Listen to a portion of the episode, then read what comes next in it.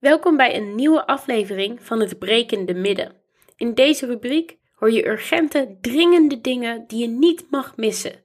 Vandaag praat ik met Sebastiaan over Extinction Rebellion. Want wat is klimaatrechtvaardigheid eigenlijk? En hoe kan ook jij helpen het te bereiken? Je hoort het hier. Hey Sebastiaan, Hey Annelot. wat leuk dat je er bent. Dankjewel. Wat fijn dat ik hier mag zijn. Jij zit bij eh, Extinction Rebellion, klopt dat? Al, eh, al een tijdje. Ik heb echt van alles gedaan. Praatjes gegeven, pers te woord gestaan, acties georganiseerd. Wow, Ik ben nu eh, landelijk secretaris. In elke hoek van de beweging wel geweest. waarom XR? XR is voor mij de enige optie om bij aan te sluiten als ik de realiteit van de klimaatcrisis in de ogen wil kijken. Want als we er wat nieuws bij pakken voor maart 2023. Frankrijk is kurkdroog. Er is al ruim een maand geen regen gevallen. Ja. Dus eh, er zijn allemaal ma- watermaatregelen die er aankomen. Venetië staat ook voor de tweede jaar op rij droog. Zo. Vorig jaar was het heetste jaar van eh, heel Spanje Ja. in de hele geschiedenis. Dus het gaat echt heel slecht nu al.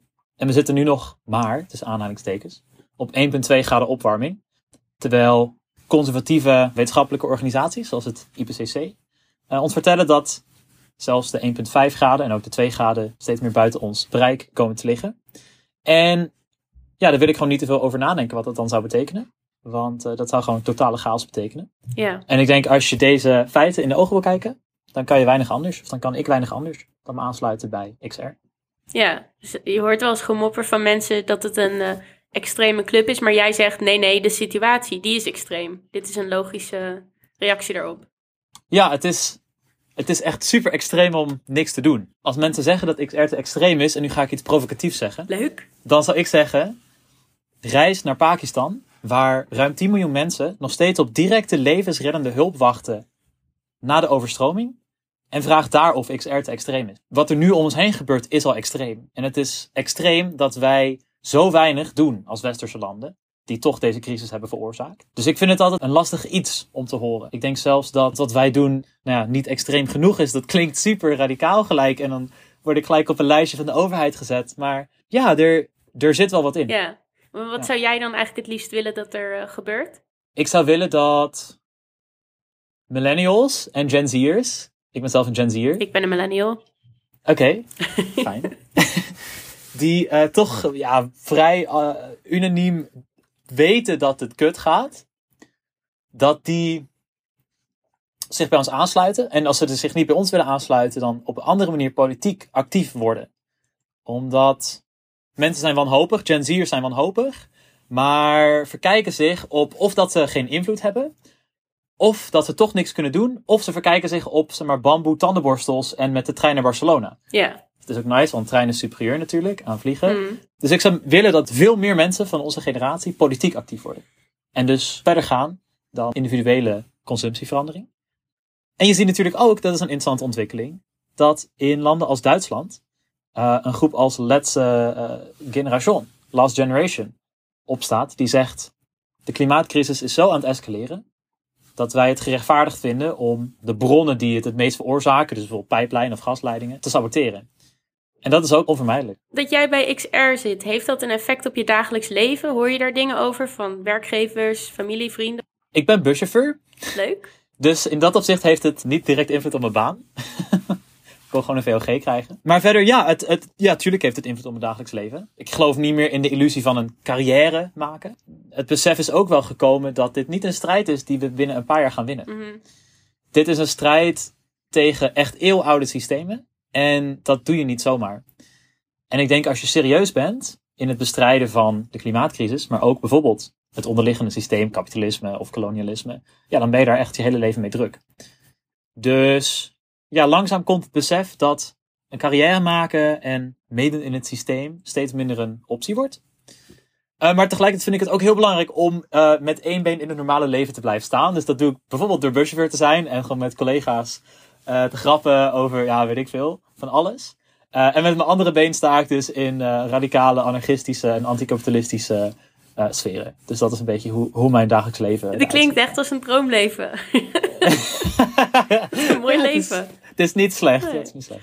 Hey, en eh, wat voor organisatie is XR? Want je bent landelijk secretaris. Ik had het idee dat jullie allemaal heel, ehm, ja, hoe zeg je dat, plat georganiseerd zijn, met weinig hiërarchie. maar ze is wel een secretaris, misschien ook een voorzitter. Hoe zit dat? XR is een organisatie die geen officiële macht heeft. We zijn decentraal georganiseerd. Dus wat ons samenhoudt is tien waarden en principes. Die kun je gewoon op de website opzoeken.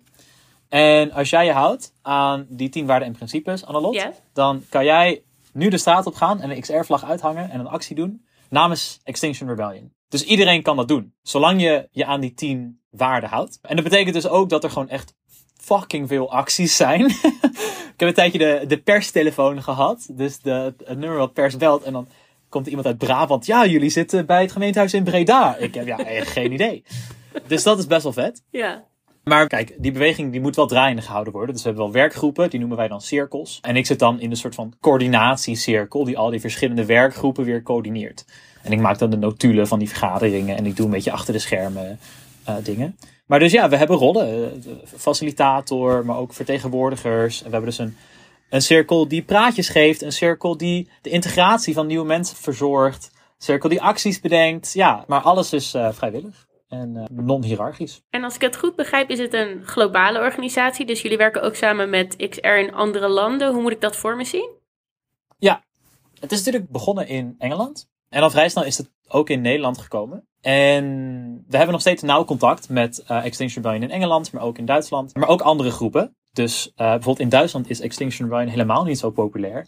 Maar is het daar meer eh Ende Gelände bijvoorbeeld? Of Last Generation? Of Just Stop Oil? En in Nederland ja, gaan wij veel met hun om en wisselen wij tips uit. En in internationaal niveau is XR heel erg aan het proberen om klimaatrechtvaardigheid te benadrukken. Dus dat betekent dat wij hier in Nederland doelen opzoeken, bedrijven, die internationaal fucking crimineel bezig zijn. Als ik het zo mag verwoorden. Dus denk bijvoorbeeld aan Boskalis. Dat is die baggeraar die nu weer dreigt om weg te gaan omdat ze weinig belastingvoordeel krijgen. Die verwoest hele levensgebieden in Indonesië. Dat is gewoon een hele vieze multinational.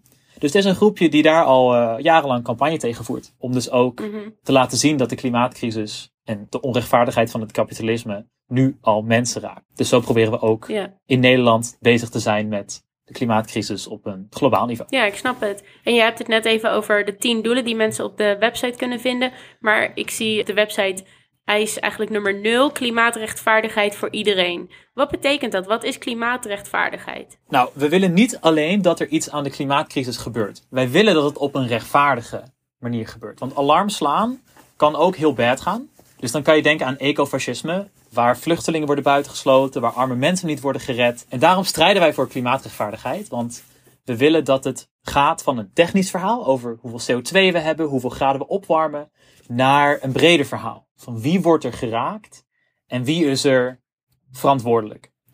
Dus het is een genuanceerde kijk op het klimaatprobleem, of genuanceerdere kijk. En het erkent dat westerse landen, Nederland, die de wereld hebben gekoloniseerd en uitgeput, dat die eigenlijk grondlegger zijn van het klimaatprobleem. Dat het klimaatprobleem dus niet losstaat, maar eigenlijk een heel logisch gevolg is van een heel exploitatieve kijk op de aarde en op mensen. En het erkent dus ook dat verschillende mensen op verschillende manieren worden getroffen. Dus de mensen die nauwelijks iets aan het probleem hebben bijgedragen. Volgens mij stoten mensen in Madagaskar 60 keer minder uit dan wij in Nederland. Terwijl zij, nou ja, eh, bijvoorbeeld vier jaar al nauwelijks regen hebben gehad. Mhm. En dat is in de kern wat klimaatrechtvaardigheid is. Dat is dat erkennen. Ja. En dat betekent dus ook dat Nederland een hele grote rol heeft in het vooroplopen. In het oplossen van dit probleem. Dus we hebben een gigantische schuld bij de rest van de wereld. We hebben grote delen van de wereld heel lang uitgebuit. En ja, dan moeten wij nu niet met het vingertje gaan wijzen naar andere landen dat zij toch eens snel klimaatneutraal moeten worden als wij dat zelf nog niet zijn. Ja, dat klinkt heel logisch. 11 maart gaan jullie weer de straat op? Ja, volgens mij is het uh, oeh, achtste keer, negende keer, elfde keer, twaalfde keer. I don't know. De heel veelste keer van hetzelfde actieconcept. Want we zitten daar heel mooi tussen de Tweede Kamer, de tijdelijke Tweede Kamer. En het ministerie van Economische Zaken en Klimaat. Dus twee hele relevante plekken. We zijn gelukkig beschermd onder Europees demonstratierecht om te demonstreren op een relevante plek. En het is ook zo dat wij nauwelijks tot niet worden gehoord als wij dat op het Malieveld ernaast doen. Dus wij zetten onze lichaam op het spel onze vrijheid op het spel. Wij worden opgesloten. Wij worden neergeslagen door de politie om ons punt te maken. Dus wij gaan, ja, we gaan de snelweg blokkeren. Wij gaan demonstreren dat er 17,5 miljard euro per jaar Ja. Nog steeds gaat naar een vervuilende en outdated fossiele industrie. Ja. Hey, hoe kunnen mensen je daarbij helpen? Nou, ze kunnen bijvoorbeeld naar www.extinctionrebellion.nl slash events gaan. Mhm. En dan kan je daar filteren op jouw locatie. Dus je hebt er een in Castricum. Je hebt er nu ook een in Zutphen, waar ik vandaan kom. Fucking vet. Shout-out XR Zutphen. En gewoon kijken of zij een training geven. Een actietraining. Het is wel zo. Het is... Ja, wij zeggen ga niet een actie in zonder dat je zo'n actietraining hebt gevolgd. Gelukkig zijn er ook heel veel. Die worden gegeven door het hele land. Dus ga daarheen als je inderdaad 11 maart de snelweg op wil. En als je er geen kan vinden of je bent er nog niet klaar voor, kom aan de zijkant support. Want je mag er aan de zijkant legaal staan. Dat noemen wij dan de solidariteitsdemonstratie. En dan kan je heel mooi op de snelweg kijken naar beneden wat er gebeurt. En dan kan je een beetje kijken van, goh, hoe gebeurt dat nou dat een politiemacht ons allemaal arresteert en hoe, hoe gaat het eraan toe? Ja, dan ben je dus eigenlijk een soort getuige. Ja. Ja, en het was fantastisch de vorige keer hoor, dat al die mensen daar stonden. Dat was, Ja? ik heb wel gehuild, ja, ja, toen ik het zag. Het was zo'n adembenemend gevoel. Ja. Dus dat is echt, eh, wordt, werd door iedereen ontzettend gewaardeerd. Dus ja, als je 11 maart, zaterdag, 12 uur niks te doen hebt, kom langs de zijkant staan. Of natuurlijk, kom de snelweg op. Maar sluit je ook aan bij je lokale XR-groep. Dus staan echt te trappelen voor nieuwe radicale linkse mensen. Dus je kan je gemeente pushen om een klimaatnoodtoestand uit te roepen. Of kan eh, in je lokale groep vast leuke dingen bedenken om te doen. Elke lokale groep die, die is echt heel erg open voor nieuwe mensen. En eh, we groeien heel snel, echt heel snel. XR Zutphen, ik bedoel, we hebben het over Zutphen, heeft nu volgens mij al 30 of 40 leden. En een paar maanden geleden bestond het nog niet. Dus het gaat heel erg rap. Ja, het is heel veel energie, heel veel potentie. Dus ik denk echt dat, ja, dat het voor heel veel linkse mensen die op zoek zijn naar een manier om klimaatactivisme te doen, dat XR uh, een hele mooie plek is. Ja, dus naar www.extinctionrebellion.nl slash events. Ja, slash events. Ja, of ja, je kan gewoon onze website uh, doorscrollen, maar bij de events staan uh, evenementen uh, genoemd. Je kan dan dus ook op de Facebookpagina of zo van XR Castricum of XR Zutphen of whatever kijken. Oké. Okay. Hey, het is een super duidelijk verhaal. Ik denk dat wij hartstikke veel luisteraars jullie kant op kunnen gaan sturen. Super bedankt dat je dit allemaal wou komen vertellen en heel erg veel succes op zaterdag. Ja, dankjewel. Ik denk dat alle luisteraars in hun hoofd moeten houden. Het kan echt nog allemaal minder kut. Het, het, ja. het, het, het is nog niet te laat. Yes, ja. wat een mooie boodschap. Dankjewel.